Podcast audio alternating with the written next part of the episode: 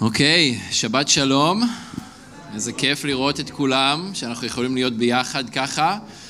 שוב פעם, ואנחנו מקווים באמת שאיך שהשבועות יעברו, אז אנחנו אה, נראה יותר ויותר אה, מאיתנו מצליחים להגיע בכל שבת. נראה את האומיקרון הולך ודועך, ואת המחלה הולכת ונעלמת, ונוכל להגיע בבטחה.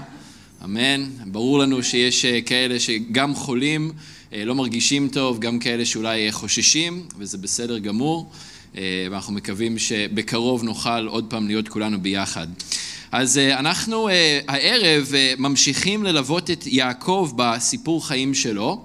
אנחנו בפרק כ"ח, פרק 28, מפסוק 10 עד פסוק 22, קטע שמוכר לנו באופן כללי כסולם יעקב. אה, אתם בטח מכירים את הסיפור, אז אנחנו נתמקד בזה הערב, ולאחר הדרשה הערב, אז אנחנו גם נשתתף ביחד בסעודת האדון. אז אלה מכם שצופים מהבית, אתם יכולים, אה, יהיה לכם זמן גם אחר כך, אבל אתם יכולים, אם אתם רוצים, תוך כדי, אה, להכין לעצמכם מצה ויין. אנחנו לא רואים...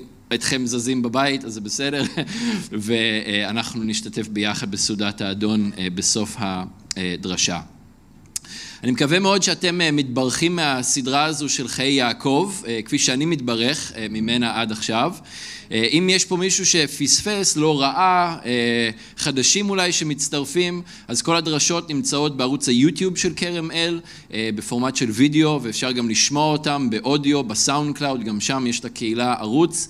אה, אז אפשר תוך כדי נסיעה, נהיגה, באוטובוס, לצפות, לשמוע אה, ולהתעדכן בדרשות שהיו עד עכשיו, גם של הסדרה הזו וגם של סדרות אה, קודמות. אז בשבוע שעבר, אם אתם זוכרים, אנחנו סגרנו בעצם את הסיפור של הברכה, של הבכורה ושל ברכת הבכורה, הברכה שבאה עם אה, ברכת, אה, או הברכה שבאה עם הבכורה. ואנחנו ראינו שהיו אה, סגירות מעגל בקטע הזה, בקטע הקודם, במיוחד בין יצחק ליעקב. ראינו שסוף סוף יצחק נכנע לרצון של אלוהים, הוא הבין שהברכה צריכה לעבור ליעקב ולא לעשו. והוא נתן את הברכה הזו אה, אליו שוב פעם באופן אה, חופשי ממנו, ממש מהלב. אמ, ו- וראינו איך שיעקב אה, סוף סוף זכה לשמוע את, ה- את מילות הברכה האלה מאבא שלו בצורה פתוחה ובצורה מאוד כנה ואמיתית.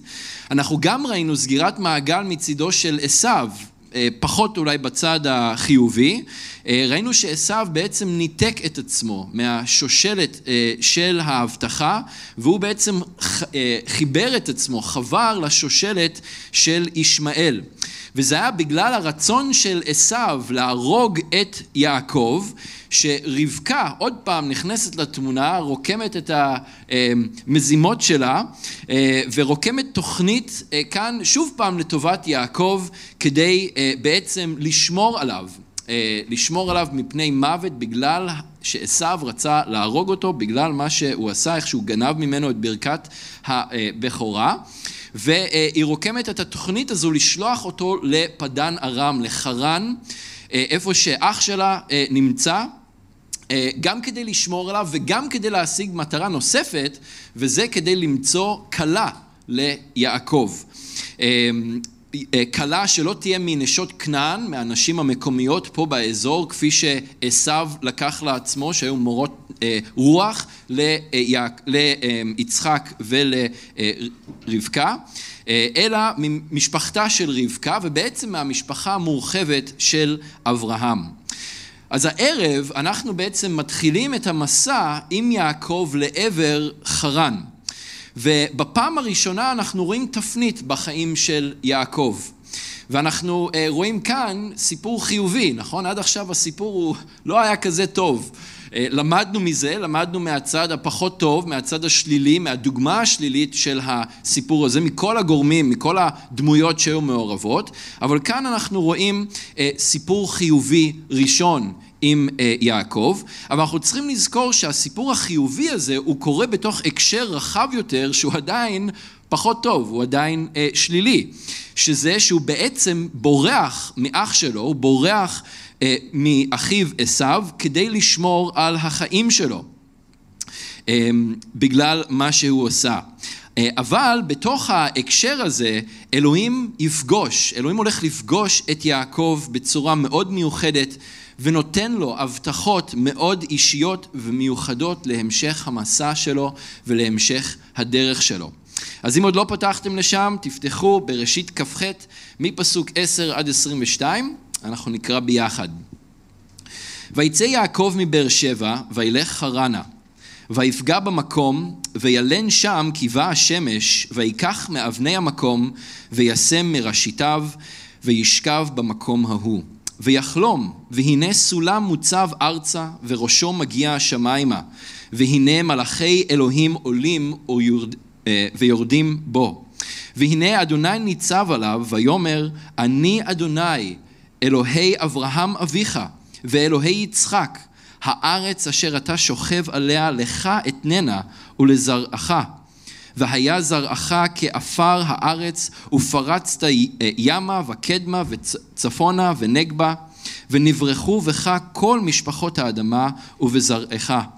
והנה אנוכי עמך, ושמרתיך בכל אשר תלך, והשיבותיך אל האדמה הזאת, כי לא אעזבך עד אשר אם עשיתי את אשר דיברתי לך. ויקוץ יעקב משנתו, ויאמר, אכן יש אדוני במקום הזה, ואנוכי לא ידעתי. וירא, ויאמר, מה נורא המקום הזה? אין זה כי אם בית אלוהים, וזה שער השמיים.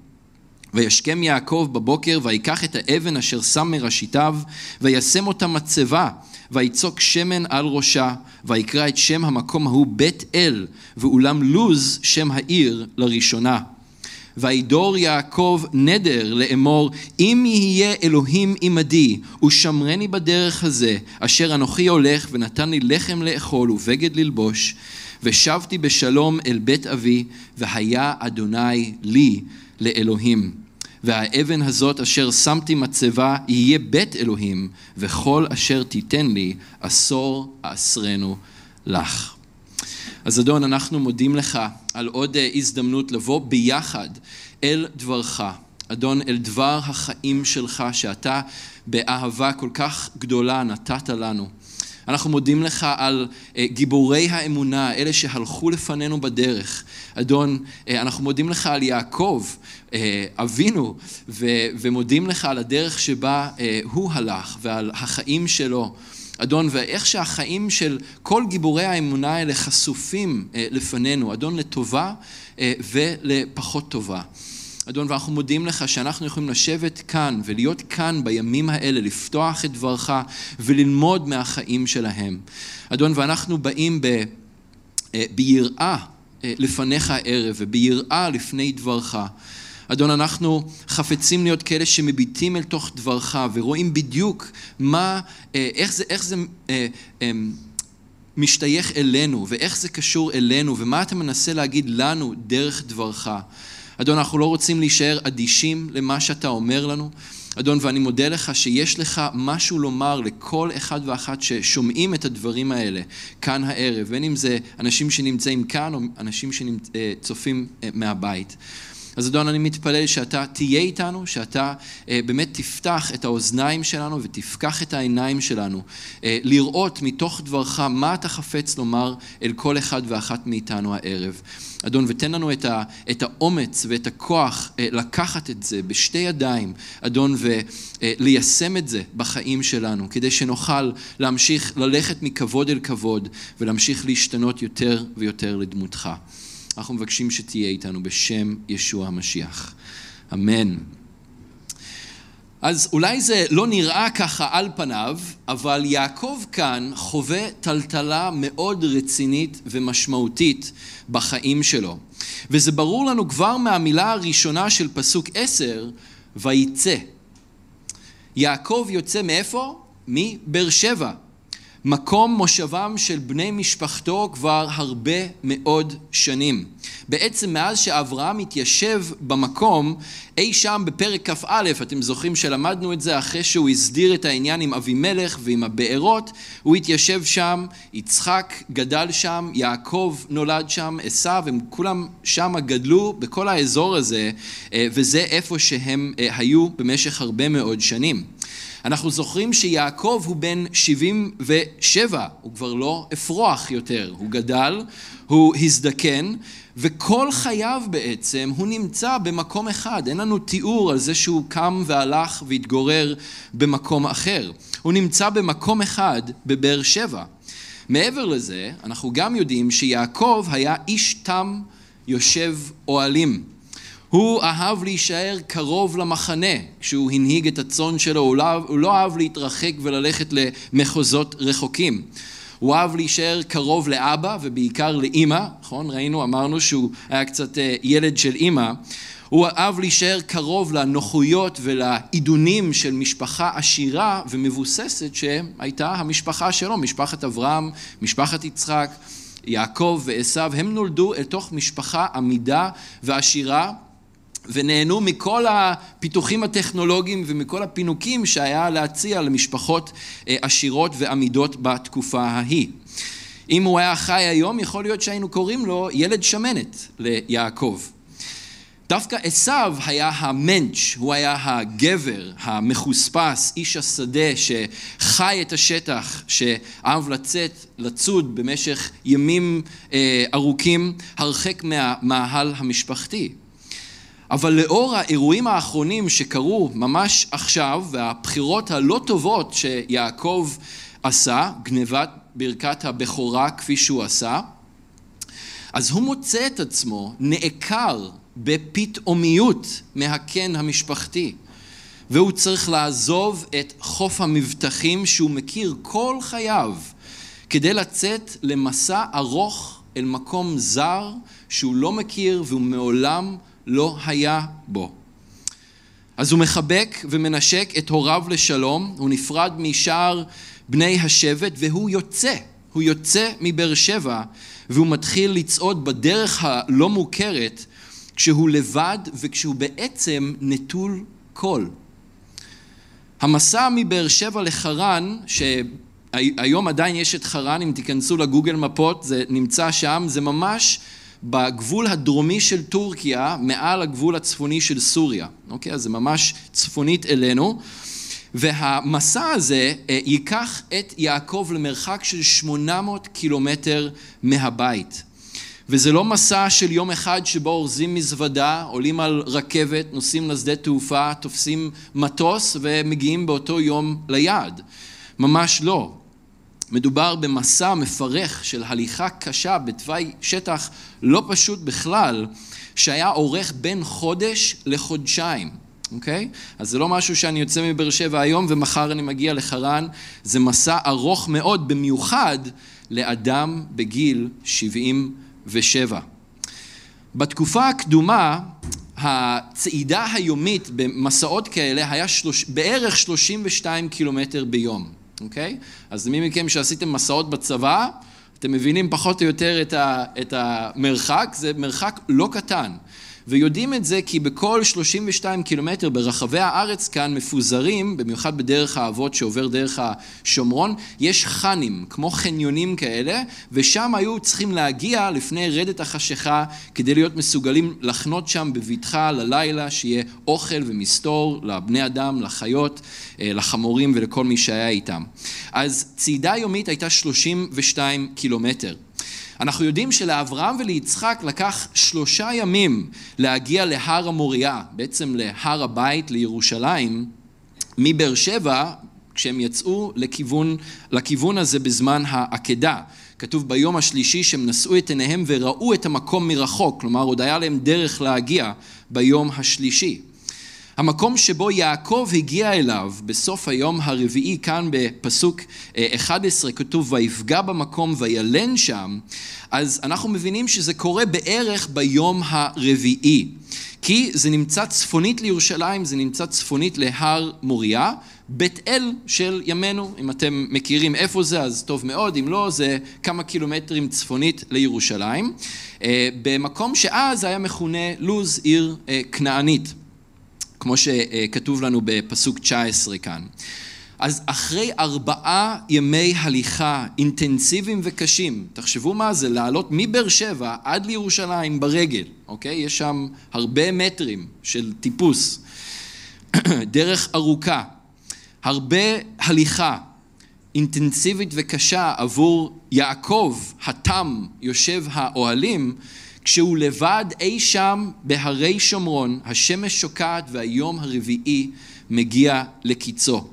וכתוב לנו בפסוק 11, ויקח מאבני המקום וישם מראשיתיו וישכב במקום ההוא. אז יכול להיות שאתם מכירים את זה שאתם אה, כל כך עייפים שאתם יכולים להירדם בכל מצב. רואים את זה במיוחד אצל ילדים קטנים, הם כל כך עייפים, הם יכולים להירדם הפוכים אפילו. לי זה לא ככה, לי מאוד מאוד קשה להירדם אם אני לא שוכב, אני לא מצליח להירדם במטוסים ולא באוטובוסים ולא בישיבה ולא בשום דבר.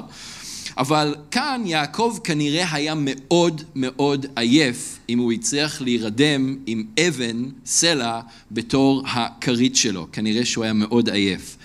וזה היה דווקא כאן, במקום הזה, שבו יעקב היה מחוץ לאזור הנוחות שלו, מחוץ לכל מה שהוא הכיר במשך כל חייו, רחוק מכל המשפחה שלו ומכל המכרים שלו, כשהוא מותש, כשהוא לבד, כשהוא לא יודע מה יהיה ביום המחר, שאלוהים בוחר לפגוש אותו בחלום. הוא בוחר לתפוס את תשומת הלב שלו בדרך מאוד מאוד ברורה ומוחשית. ואני חושב שככה זה עם כולנו הרבה מאוד פעמים. אנחנו צריכים לצאת, או אלוהים צריך להוציא אותנו בדרך כזאת או אחרת מהסביבה הנוחה לנו, מהסביבה המוכרת לנו, כדי שאנחנו נוכל לפגוש אותו בצורה חדשה ובצורה מרעננת. התקופ, התקופות שבהן אנחנו מתקרבים לאלוהים בצורה הכי אה, גדולה, אולי אפשר לקרוא לזה ככה, וגדלים בו, הם דווקא הזמנים שאין לנו שום דבר אחר, אחר להאחז בו. מלבד אלוהים. הזמנים האלה, ואני בטוח שכולכם מכירים אותם ויודעים למה אני מתכוון, הזמנים האלה שאנחנו מרגישים שהקרקע מתחת לרגליים שלנו לא יציבה, היא זזה, היא לא מוצקה, ואין לנו במה להאחז, אלא באלוהים. הזמנים האלה, שאנחנו כל כך לא אוהבים אותם בבשר שלנו, כי הם לא יציבים, הם לא בטוחים, אנחנו לא יודעים מה הולך לקרות. הרבה פעמים בתוך המצבים האלה אנחנו גם לא מבינים מה בדיוק אלוהים עושה, או מה הוא מאפשר לקרות לנו, או למה הוא מאפשר לדברים האלה לקרות, למצבים האלה לקרות. אבל זה דווקא בתוך המצבים האלה שאנחנו יכולים לפגוש את אלוהים בצורה מיוחדת ובצורה חדשה. אליהו, כשהוא היה במערת חורב, אחרי שהוא ברח מאיזבל, דווקא בקושי הזה, דווקא אחרי צום של 40 יום ו-40 לילה, שהוא ברח מפה בכרמל עד לחורב, שמה בסיני. כשהוא היה בתוך המערה, דווקא אז הוא שמע את כל הדממה הדקה של אלוהים. דוד התחזק באלוהיו, כתוב, דווקא כשכל הנשים והילדים שלו ושל כל החיילים שלו, כל הלוחמים שלו, נחטפו ונלקחו בשבי, וכשכל החיילים שלו בעצם פנו נגדו ורצו להרוג אותו. דווקא אז דוד הצליח להתחזק באלוהיו בדרך שהוא לא התחזק עד אותו רגע. שדרך, מישך ועבד נגו, כשהם נזרקו לכבשן הבוער של נבוכדנצר בבבל, דווקא שם אלוהים היה איתם, הדמות של בן אדם, היה איתם שם בתוך הכבשן הבוער. זה דווקא כשאנחנו מחוץ לאזור הנוחות, שאלוהים יכול לפגוש אותנו בצורה מיוחדת, שאולי לא הייתה מתאפשרת בדרך אחרת או בסיטואציה אחרת. אז בזמן שיעקב ישן על האבן מתחת לכיפת השמיים, בלי אוהל, בלי שום אה, כיסוי מעל הראש שלו, כשהוא לבד וכשהוא בעצם נטול קול, אלוהים פוגש אותו בחלום. בחלום יעקב רואה סולם עם מלאכים, מלאכי אלוהים שעולים ויורדים עליו, ואלוהים בעצמו עומד שם בראש הסולם כדי לדבר אה, איתו. עכשיו, לי יש אה, סולם שיפוצים בבית של, לא יודע, שתיים וחצי מטר, משהו כזה. זה לא סוג כזה של סולם שמדובר עליו כאן, ויכול להיות שראיתם גם את המשאיות של הכיבוי אש עם הסולמות הגדולים, זה גם לא היה סולם כזה. הסולם אה, שמדובר עליו כאן זה יותר גרם מדרגות, זה יותר נכון אה, להגדיר את זה כאיזשהו גרם מדרגות, ולא הגרם מדרגות פה של בית ידידיה, אלא תחשבו על גרם מדרגות מלכותי ומפואר, משהו שאולי הייתם רואים אה, בארמון אירופי עתיק, אוקיי, משהו מאוד גדול ומפואר. והוא רואה כאן את המלאכים עולים ויורדים בגרם מדרגות שמחבר בין השמיים ובין הארץ. וכאן אלוהים פונה אל יעקב בחלום, והוא אומר לו מילים שאני חושב שיעקב היה כל כך צמא לשמוע אחרי האירועים של הימים האחרונים ואחרי הארבעה ימי הליכה האינטנסיביים והבודדים האלה שהוא uh, חווה. והוא שמע את המילים האלה, אני אדוני אלוהי אברהם, אביך, ואלוהי יצחק, הארץ אשר אתה שוכב עליה, לך אתננה ולזרעך. והיה זר, אה, ולזרעך, והיה זרעך כעפר הארץ, ופרצת ימה וקדמה, וצפונה ונגבה, ונברחו בך כל משפחות האדמה ובזרעך, בפסוקים 13 ו-14. זה ממש כמו שהיה עם סבא שלו, אברהם, בפרק ט"ו, בפרק 15, שאלוהים בא אה, אל יעקב גם בלילה, כשהוא היה רדום, כשהוא ישן. עם אברהם זה היה במחזה, עם יעקב זה היה בחלום, אבל המסר שאלוהים העביר לשניהם היה בעצם אותו מסר. אני איתך. אני איתך. והמסר הזה, אני איתך, בא לענות על מה שכונן בלב של יעקב, וגם בלב של אברהם אה, בזמנו. ו, ובא לענות על השאלות, האם אלוהים יספק? האם אלוהים יספק את מה שהוא אמר? אתם זוכרים שהשאלה של אלוהים אה, בראשית 15 אה, הייתה האם אלוהים באמת יספק את היורש שהוא כל כך קיווה לו? ומה שאנחנו רואים זה שגם אברהם היה ערירי, הוא הלך ערירי ואברהם אמר את זה על עצמו, אני הולך ערירי והאם אה, אליעזר דמשק הוא יירש אותי? עכשיו, אברהם היה ערירי מבחינת אה, יורש, אבל אנחנו רואים שיעקב גם היה כאן ערירי מבחינת עצמו. הוא היה לבד, בלי קום, בלי שום דבר, שוכב לבד בשטח, מתחת לכיפת השמיים. האם אלוהים יספק? ודבר נוסף, האם אלוהים יהיה איתי? האם הוא נמצא איתי? האם הוא יהיה איתי? והאם הוא יהיה נאמן להבטחות שלו? השאלה העיקרית של אברהם הייתה איך אני אדע שאני אירש את ההבטחה הזו? הרי אני, אין לי עדיין ילדים משל עצמי, איך אני אדע שאני אירש את ההבטחה?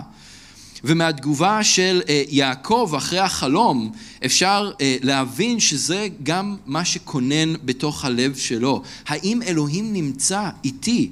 האם ברכת הבכור שאני קיבלתי עכשיו כבר פעמיים, פעם אחת במרמה, פעם אחת באמת מאבא שלי, ושבעצם עוברת בירושה, זה ניתן לאברהם, זה ניתן ליצחק, ועכשיו זה ניתן גם אליי, ליעקב, האם ההבטחה הזאת תתממש בחיים שלי? אז לפני שאלוהים ענה על השאלות האלה, הדבר הראשון שאלוהים היה צריך לעשות היה להזדהות בפני יעקב. והוא אומר לו בפסוק 13, אני אדוני אלוהי אברהם אביך ואלוהי יצחק. עכשיו זה מעניין שאלוהים גם היה צריך להזדהות למשה, כשהוא התגלה אליו בפעם הראשונה בסנה הבוער. כש... וזאת הפעם הראשונה שהוא מתגלה אליו ככה באופן אישי, הוא קורא לו, משה, משה, ואז משה מסתכל, הוא רואה את הסנה הבוער, הוא פונה והולך לעבר הסנה, הוא שומע את הקול של אלוהים, שאומר לו, של נעליך מעל רגליך, כי האדמה שאתה עומד עליה, אדמת קודש היא, הוא מוריד את הנעליים, הוא מתקרב עוד יותר, ואז אלוהים אומר, אנוכי אלוהי אביך, אלוהי אברהם, אלוהי יצחק ואלוהי יעקב, בשמות פרק ג'. ומה שקורה לנו כאן עם יעקב, זה שזו בעצם הפעם הראשונה שיעקב פוגש את אלוהים בעצמו, ושאלוהים מדבר אליו באופן ישיר. עכשיו, אין ספק שהוא שמע את הסיפורים לאורך השנים. הוא שמע אותם מסבא אברהם, הוא שמע אותם מאבא, יצחק, על, על איך שאלוהים פגש אותם, על איך שאלוהים סיפק להם, על כל הניסים והנפלאות שקרו בחיים שלהם, אבל זה היה סיפורים שהוא שמע יד שנייה. זה לא היה דברים שקרו לו יד ראשונה. אבל אני חושב שמהטקסט ברור שזאת הייתה הפעם הראשונה שיעקב חווה את אלוהים באופן אישי בעצמו. וזה קורה דווקא אחרי שהוא עוזב את הקן, אחרי שהוא עוזב את ההורים, אחרי שהוא נמצא במקום ערירי ובודד ולבד וקשה לו. והוא נמצא במקום של לחץ, הוא נמצא במקום של קושי.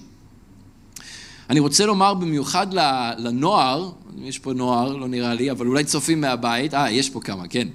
אז אני רוצה להגיד במיוחד לכם, נוער, וגם לכם צעירים, ואולי גם לחלק מהמבוגרים בינינו, האמונה שלכם, האמונה שלנו, אה, עם אלוהים לא יכולה להסתמך על הקשר אה, של ההורים שלכם עם אלוהים. האמונה שלכם לא יכולה להסתמך, אם אתם נשואים, על הקשר של הבעל או של האישה עם אלוהים. האמונה שלכם לא יכולה להתבסס על הקשר של רואי הקהילה שלכם והמנהיגים הרוחניים שלכם עם אלוהים. הקשר שלכם עם אלוהים חייב להיות אישי ושלכם בלבד עם אלוהים. וזה אתם, כל אחד ואחד, כל אחד ואחת מכם, מאיתנו, שחייבים ללמוד להכיר את אלוהים באופן אישי ואינדיבידואלי. ואם זה עוד לא קרה לכם, אז אני רוצה להמליץ לכם שלא תחכו לגיל 77 שזה יקרה, כמו עם יעקב. תוודאו שזה קורה לפני כן. עכשיו, אמנם גם יעקב שמע את ברכת הבכור מאביו פעמיים, כן? פעם אחת מרמה באוהל העמום, פעם שנייה מיצחק ברצונו החופשי בפסוקים שלוש וארבע, וגם יעקב בטוח שמע את סיפורי הברכה שניתנו לאברהם מאלוהים, ואחר כך גם ליצחק, כשהוא ישב על הברכיים של סבא אברהם ושל אבא יצחק. אבל זו הפעם הראשונה שיעקב שומע את המילים האלה נאמרות אליו באופן ישיר מהפה של אלוהים בעצמו. אז הוא שומע כאן את שלושת האלמנטים של ההבטחה. דבר ראשון, לרשת את הארץ. דבר שני, שההבטחה שהצאצאים שלו ירבו ואפילו יפרצו לארבעת כיווני האוויר, כן, צפונה, דרומה, מערבה ומזרחה. שזה היה בעצם אה, הסבר או הרחבה חדשה להבטחה שניתנה עד עכשיו, ואנחנו רואים איך שההבטחה שניתנה קודם כל לאברהם ואז ליצחק, ליעקב ואחר כך ל-12 השבטים ומשם הלאה, היא הולכת ומתפתחת כמו פרח שמתחיל אה, לגדול והולך וגדל ונפתח עד שהוא מגיע לשיא תפארתו אה, במשיח, בישוע. אה, אבל כאן זה עוד שלב, עוד התפתחות בהבטחה. והדבר השלישי, שכל משפחות האדמה יתברכו דרכו, דרך יעקב, דרך מי שיהפוך לימים לישראל ודרך הצאצאים שלו. אבל בשלב הזה תזכרו, יעקב הוא עדיין הרווק הנצחי, הוא בן 77, אין לו כלה, אין לו את האישה שהוא אה, בטח אה, אולי חיכה לה, אבל הוא כן מבין כאן שבאיזשהו שלב הוא הולך להתחתן וכן יהיו לו צאצאים כדי שההבטחה הזו תוכל להתממש. אבל אלוהים ידע גם שיעקב כרגע במקום הזה, איפה שהוא נמצא, בזמן שהוא ישן, הוא מפחד, שהוא תשוש, שהוא בודד, שהלב שלו כבד מהפרידה מההורים שלו.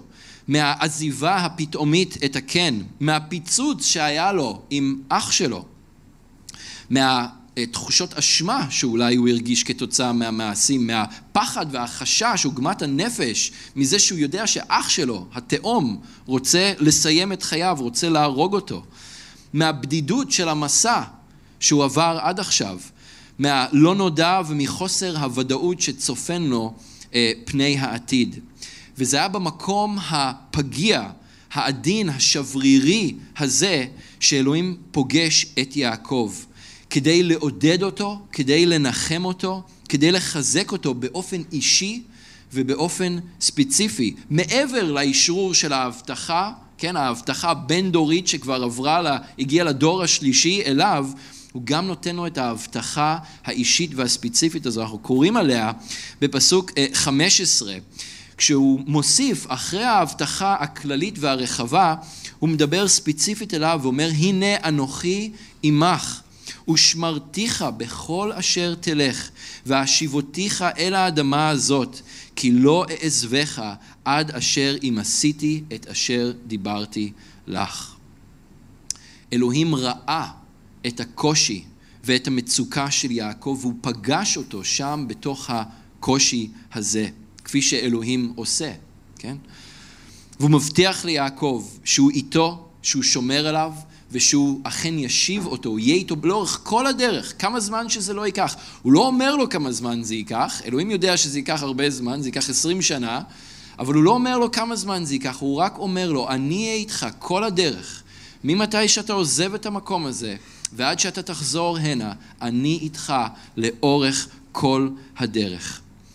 בפסוק 16 אנחנו רואים שיעקב מקיץ משנתו. והוא בטח התעורר והסתכל על האבן הזו שהוא שם עליה את הראש לראות מה כל כך מיוחד בה שהיה לו חלום כזה. ואני לא יודע אם אתם מכירים, בטוח שכולכם מכירים שחלומות זה דבר מופלא, אבל זה גם יכול להיות דבר מאוד מוזר, נכון? מתעוררים, נזכרים באיזשהו חלום שהיה. אני אישית חולם די הרבה, אין כמעט אה, לילה שעובר מבלי שאני קם בבוקר וזוכר איזשהו חלום שהיה לי, גם אם זה פיסות של אה, חלום. אה, לפעמים אלוהים מדבר אליי בלילה דרך חלומות, אבל הרבה פעמים זה סתם חלומות מוזרים, משמע של אה, כל מיני דברים שאני חווה בחיים.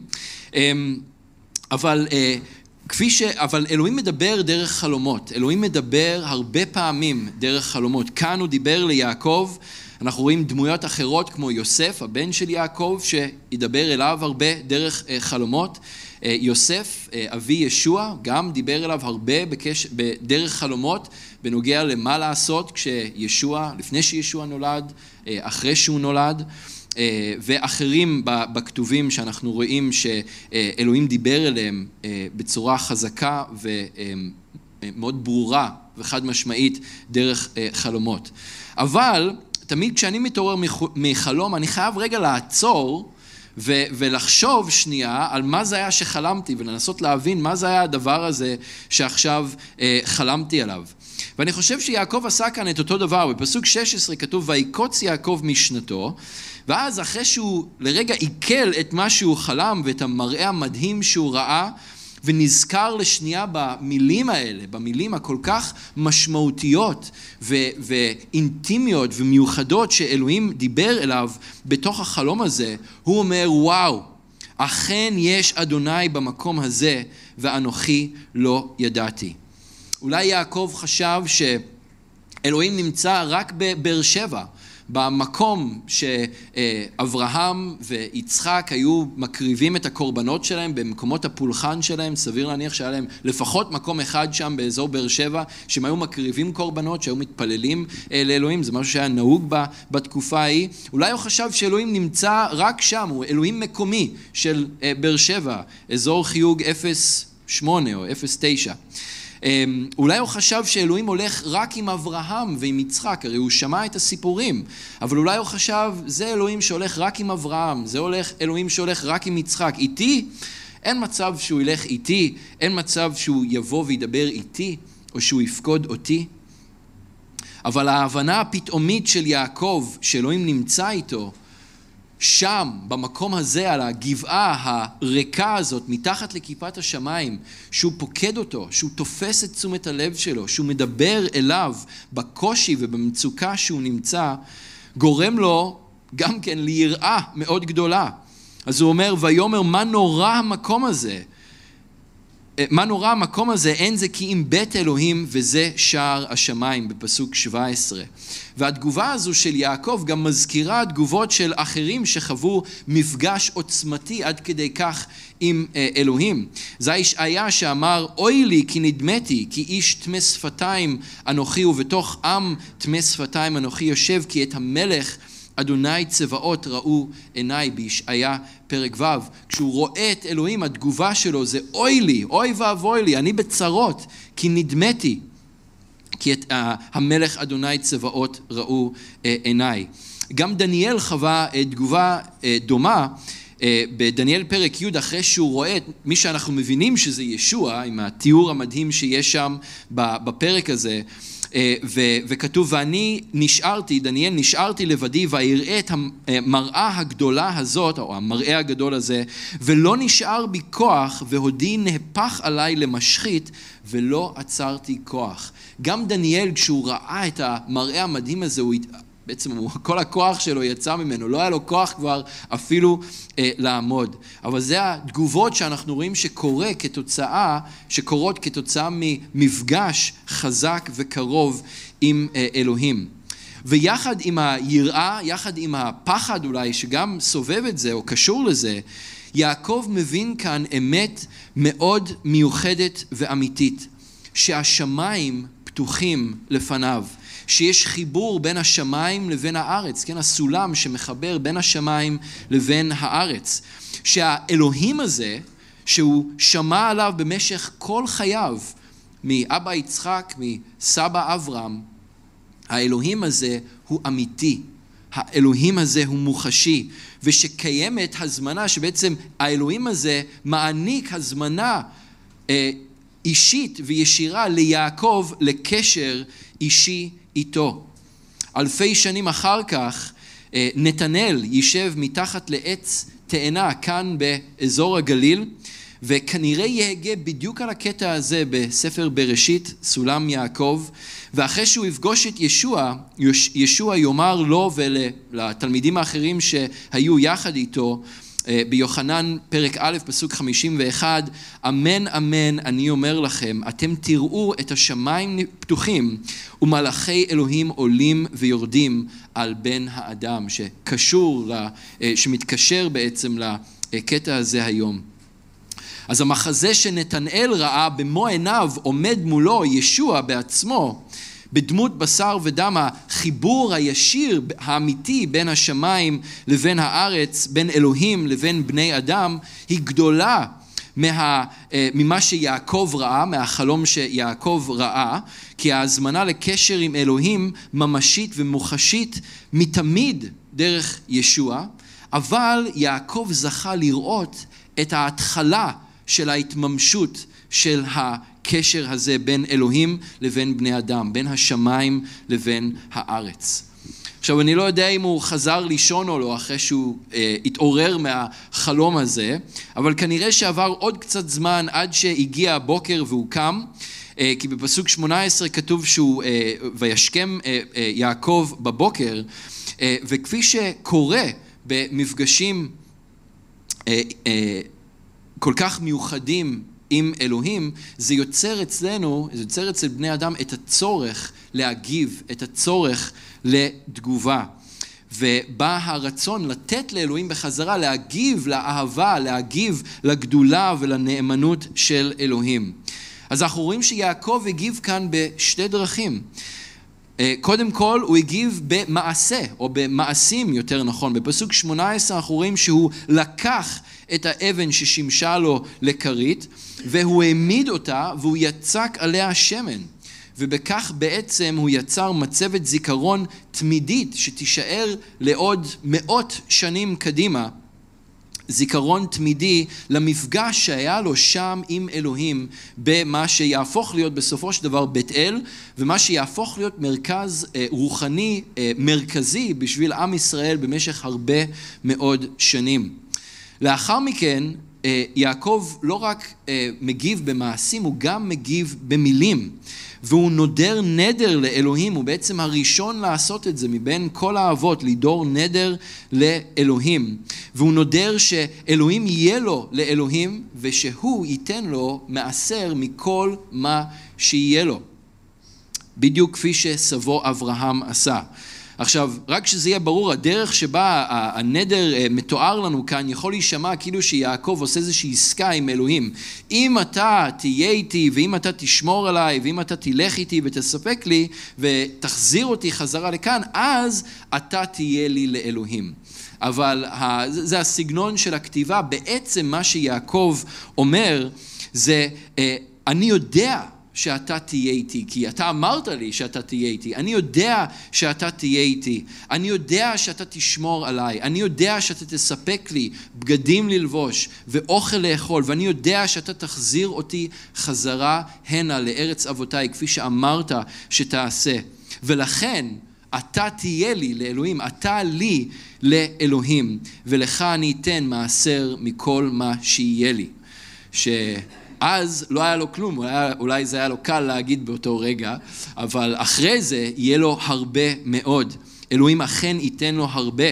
וכשיעקב יחזור בעוד עשרים שנה ויגיע חזרה למקום הזה, לארץ אבותיו בריא ושלם, הוא יגיד, קטונתי מכל החסדים ומכל האמת אשר עשיתי את עבדך, כי במקלי עברתי את הירדן הזה, ועתה הייתי לשני מחנות. אני עברתי את הירדן הזה רק עם המקל שלי, אולי עם איזה חמור ו- ותיק והמעיל שהיה לי על הגב. במקלי עברתי את, ה- את הירדן הזה, ועתה הייתי לשני מחלות, אה, מחנות. הוא יחזור אה, אה, אחר כך מחרן עם משפחה גדולה, אולי אפילו משפחה יותר גדולה ממה שהוא ציפה שיהיה לו, הוא יחזור עם משרתים, הוא יחזור עם מקנה ועם נכסים אה, רבים מאוד. אז אנחנו זוכרים שהסיבה העיקרית שיעקב יצא לחרן הייתה בגלל המעשים שלו. וכמו שאנחנו צריכים להיות מודעים, למעשים שלנו יש השלכות. וזה משהו שאנחנו חייבים להפנים ולהבין אם לא הבנו והפנמנו את זה. עכשיו, באלוהים יש סליחה, ב- בישוע יש סליחה, יש כפרה, זה אין ספק. אבל עדיין למעשים שלנו יש השלכות. אם אנחנו עושים מעשים טובים, יהיו להם השלכות טובות. אם אנחנו עושים מעשים רעים, למרות שיש סליחה וכפרה הרבה פעמים, אולי לפעמים זה לא קורה, אבל הרבה פעמים יש עדיין את ההשלכות כתוצאה מהמעשים אה, שלנו. וזה לא מוחק את ההשלכות של המעשים, הכפרה והסליחה. ובשביל יעקב זה בא לידי ביטוי בכך שהוא היה צריך לעזוב את הכל, לעזוב את כל מה שהיה מוכר לו וללכת למקום זר, לבדו וללא שום דבר, ללא כל. אבל הדבר המדהים הוא שגם בתוך ההשלכות של המעשים שלנו, במיוחד כשמדובר בהשלכות אה, שליליות, השלכות לא טובות, גם בתוך ההשלכות של המעשים שלנו, אלוהים עדיין ריבון. וגם בהם, גם בתוך ההשלכות הפחות טובות, אלוהים חובר הכל יחד לטובה. הוא יכול לעשות את זה.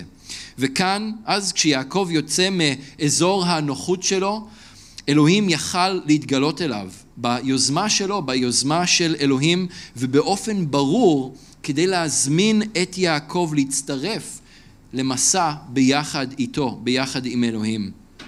זה מסע שבו אלוהים ייקח אותו לחרן, הוא ישמור עליו, כמו שהוא אמר, הוא יברך אותו, הוא יספק לו והוא יחזיר אותו הביתה בשלום. אבל זה גם לא יהיה בלי אתגרים בדרך. זה שיוצאים למסע ביחד עם אלוהים לא אומר שהכל ורוד והכל קל והכל טוב כל הזמן, כן? וגם בשביל יעקב, המסע של יעקב יהיה מלא באתגרים במהלך אה, הדרך, אבל אלוהים ימשיך להיות איתו. ובתוך המסע הזה, אלוהים עוד יפגוש את יעקב שוב כשהוא יחזור חזרה, לא בחלום, אלא פנים אל פנים במעבר היבוק, והוא ייתן לו שם חדש וזהות חדשה. אז בתוך המסע, בתוך הדרך הארוכה וה... הפתלתלה הזו, שהייתה מלאה בשביל יעקב ביותר אה, ירידות וגאיות מאשר בעליות ובפסגות, יעקב בכל זאת כן נשאר נאמן למצבה הזאת שהוא הקים ושהוא הציב, והוא נשאר נאמן לנדר שהוא נדר. ואני חושב שגם אותנו, גם אתכם, אלוהים אה, הזמין למסע ביחד איתו. זה לא משנה מה הרקע שלכם, זה לא משנה מה קרה בעבר שלכם. אלוהים פגש אתכם והוא גילה לכם את עצמו, את אדוני אלוהי אברהם, יצחק ויעקב וישוע המשיח, בנו. והמסע עם אלוהים, כמו שהיה עם יעקב, גם בשבילנו, זה לא שונה, זה מלא בעליות וזה מלא בירידות, זה מלא בזמנים טובים וזה מלא בזמנים טובים פחות. אבל כמו עם יעקב, ישוע, לפני שהוא הלך חזרה שמיימה, הבטיח להיות איתנו לאורך כל הדרך. על כן, ישוע אמר, לכו, אז זאת, זאת הליכה, זה מסע, זה לא מקום סטטי להישאר במקום. אמ, במקום אחד, לכו, עשו את כל הגויים לתלמידים, הטבילו אותם לשם האב, הבן ורוח הקודש, ולימדו אותם לשמור את כל מה שציוויתי אתכם. הנה איתכם אני כל הימים עד קץ העולם.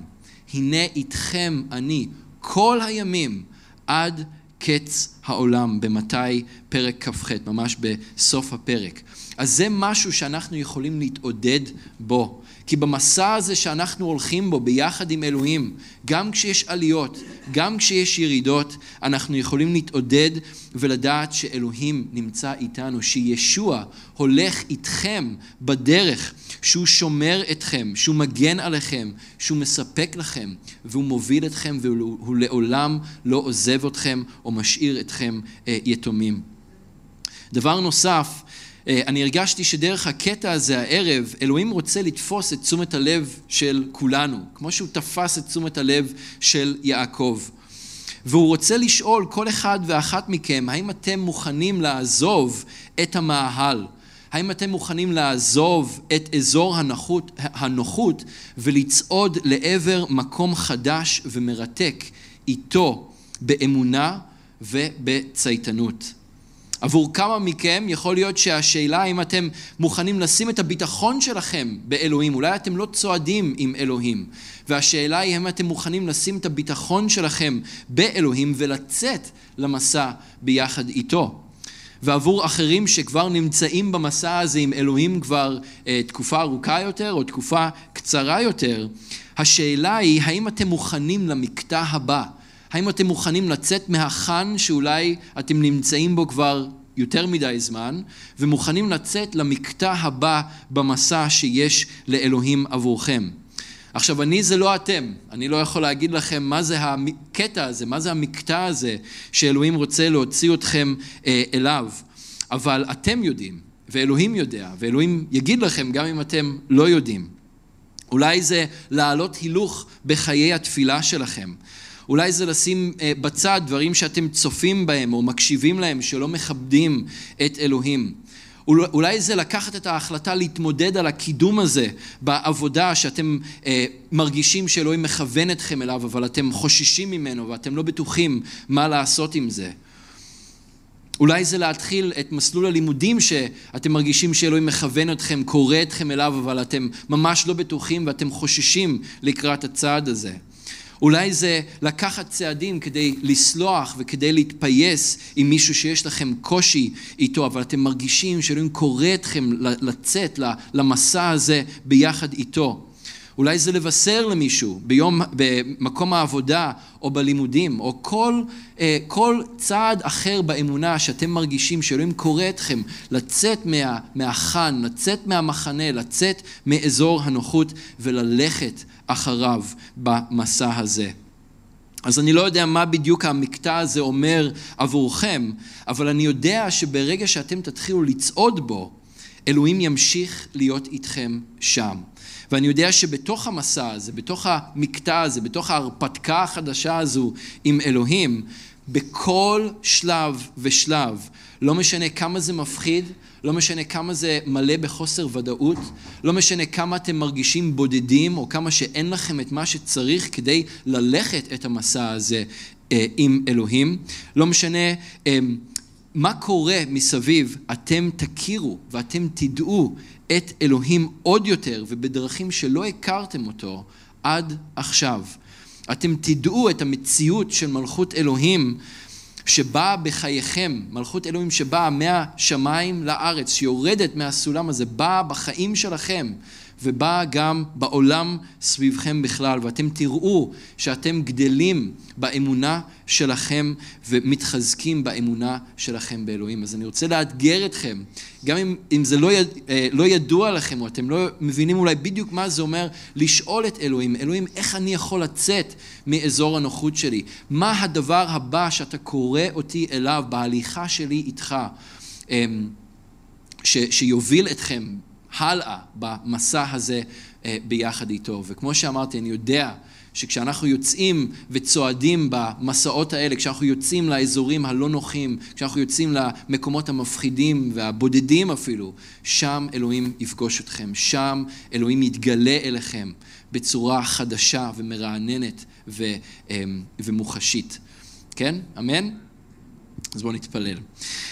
אדון, אנחנו אה, מודים לך שאתה אכן אה, קורא אותנו אה, לצאת. אנחנו מודים לך שהחיים איתך הם, הם מסע, אדון, מסע שבו אנחנו הולכים ומשתנים מיום ליום, מרגע לרגע, עוד יותר להיות כמוך בכל צעד וצעד, בכל שלב ושלב. אדון, ואתה יודע אבא, מי אה, שומע את המילים האלה הערב? אתה יודע, אדון, מי אה, נמצא כאן, ואולי כמו יעקב גם מרגיש עייף, מרגיש תשוש, מרגיש מפוחד, מרגיש לא בטוח בעצמו, מרגיש לא בטוח בדרך שיש לפניו. אדון, ואני מתפלל בשביל אה, מי שמרגיש ככה הערב, שאתה תבוא ואתה תפגוש אותם, כפי שאתה פגשת את יעקב במקום הזה, על הגבעה הבודדת והקרירה הזאת בהרי שומרון. אדון, שאתה תבוא ותפגוש כל אדם ש, שמרגיש ככה גם כן. אדון, ודרך המפגש האמיתי והמוחשי הזה והאינטימי הזה איתך, אדון, הם יקבלו את הביטחון להמשיך לצעוד בדרך שאתה קורא אותם אה, אליו. אדון, אתה הוא רוצה לראות אותנו ממשיכים להשתנות, אדון, ואנחנו לא רוצים להיות כאלה שנחים על זרי הדפנה ומסתפקים במה שיש לנו. אדון, אנחנו רוצים להיות אנשים שרעבים ליותר ממך. אדון, אנחנו רוצים להיות קהילה שרעבה ליותר ממך בחיינו. ואנחנו יודעים שאנחנו לא נקבל את זה בכך שאנחנו אפאתיים, בכך שאנחנו רק אה, יושבים ונחים ומחכים שהדברים יבואו אלינו. אדון, אנחנו יודעים שאנחנו צריכים להיות אקטיביים, כמו יעקב, במעשים שלנו, במילים שלנו, במחשבות שלנו, בהגיגי ליבנו. אדון, ואנחנו יודעים שאתה רוצה לאתגר אותנו, לצעוד יותר עמוק בך, להמשיך בצעדה הזאת איתך. אדון, כדי לגלות את כל המופלאות שיש לך עבורנו בהמשך הדרך. אדון, ואנחנו יודעים שלא משנה אם יש עליות או אם יש ירידות, תמיד, לעד, בכל מקום, בכל זמן, בכל סיטואציה, בכל קושי, בכל שמחה ובכל ניצחון, אתה נמצא איתנו שם, יד ביד, שם לידינו, כתף אל כתף, הולך איתנו בדרך, כדי לראות אותנו משתנים יותר ויותר לדמותך. אז אדון, עזור לנו איפה שאנחנו חלשים, עזור לנו איפה שאנחנו צריכים אותך יותר. אדון, ותגלה לנו את עצמך יותר, כפי שגילית את עצמך ליעקב. אנחנו מודים לך בשם ישוע. אמן.